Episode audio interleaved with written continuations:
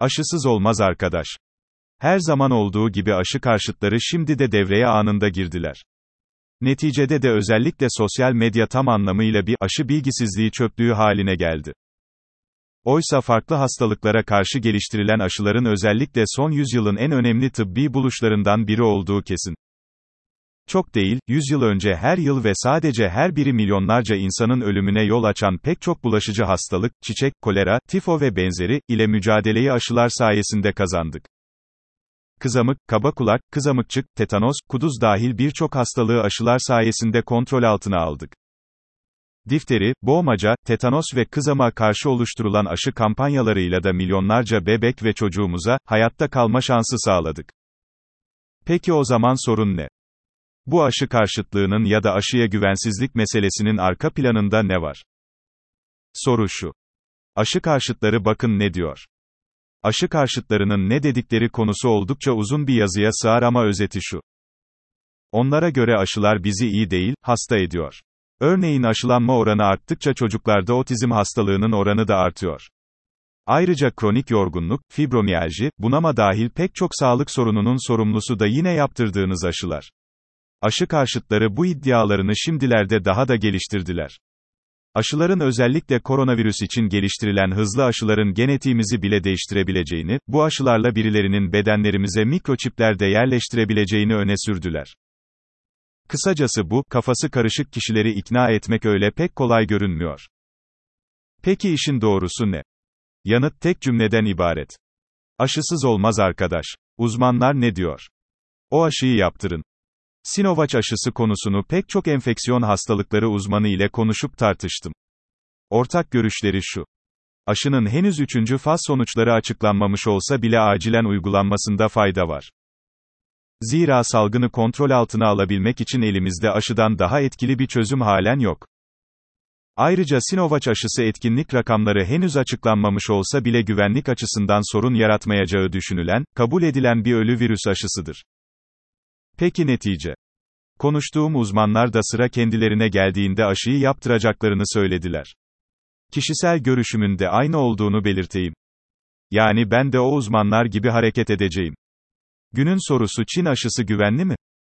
Bir ölü virüs aşısı olan Sinovac aşısının etkinliği konusunda net bir bilgi, açık bir rakam şimdilik elimizde yok. Ama şu bilgi var. Ölü virüs aşıları yıllardır kullanılan ve güvenlik konusunda en az kuşku duyulan aşılardır. Gündemdeki bir başka soru da şu. Bu aşı Çin'de halen uygulanıyor mu? Haberin cevabını bbc.com veriyor. BBC.com'a göre, Sinovac aşısı henüz üçüncü faz deneyleri tamamlanmamış ve onaylanmamış olsa da Çin'de şu anda uygulanıyor. Hatta bu aşıyı parasını ödeyerek daha çabuk yaptırmanız da mümkün.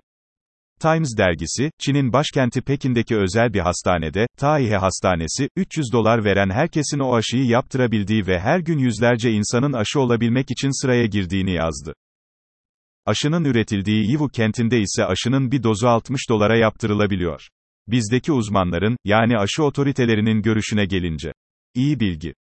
Stresin 10 farklı tonu var. Stres ve kaygı, pandeminin tavan yaptırdığı sağlık sorunlarından biri. Ve yaşadığımız günlerde özellikle stres yükü en az uykusuzluk, aktivite eksikliği ve kötü beslenme kadar önemli. Ama bilelim ki stresin de farklı nedenleri, tonları olabiliyor. O tonlar, nedenler bilinirse de korunma ve mücadele daha kolay oluyor. Peki nedir o tonlar? Nedir o farklı stresler? Varan 1, ruhsal stresler. Korkular, endişeler, kıskançlık, güven kaybı gibi ruhsal basıncı artıran duygular da önemli. Varan 2, sosyal stresler. Statü kaybı endişesi, kötü komşuluk ilişkileri, sevilen birinin kaybını izleyen günler, sosyal stres tetikçileri. Varan 3, ekonomik stresler. İş kaybı, para kaybı, ekonomik krizler özellikle son günlerde çok ön planda. Varan 4, mesleksel stresler. Doktorlar, siyasetçiler, finansçılar, gazeteciler, bankacılar, askerler stresten en çok zarar gören meslek grupları. Varan 5, iltihabi stresler. Mikrobik hastalıklar, fazla kilolar, damarlardaki plaklar, dizlerdeki, diş etlerindeki iltihaplar yangını körükleyen en meşhur stresler. Varan 6, besinsel stresler. Şeker ve un, trans yağlar, tatlılar, kızartmalar, alerjik besinler bedeni metabolik strese sokan zararlı gıdalar. Varan 7, toksik stresler.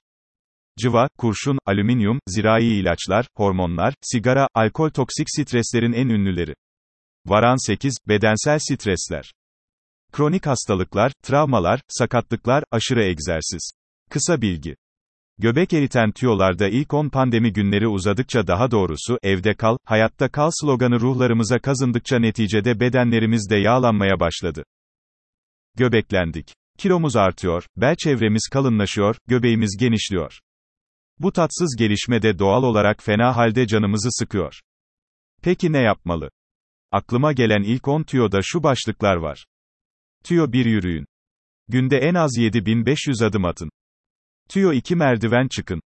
Günde en az 75 basamak tırmanın. Tüyo 3 çömelip kalkın. Günde 3 kez 20 defa çömelme egzersizi yapın. Tüyo 4 paylaşın. Tabağınızdakinin dörtte birini yemeyin, arkadaşınızla paylaşın. Tüyo 5 uygulayın. Haftada 2 veya 3 gün aralıklı açlık kürü yapın. Tüyo 6 deneyin. Aralıklı açlık küründe kadınsanız 12 ila 13, erkekseniz 14 ila 16 saati aç geçirin. Tüyo 7 proteine yüklenin. Yoğurt, yumurta, yağsız beyaz veya kırmızı et tüketin. Tüyo 8 sebzeyi sevin. Tabağınızın dörtte üçü sebzeyle dolsun. Tüyo 9 şekere, hayır, deyin. Tatlıyı sadece tadın. Tüyo 10 unlulara soğuk bakın. Fırın ve pastanelere uğramayın.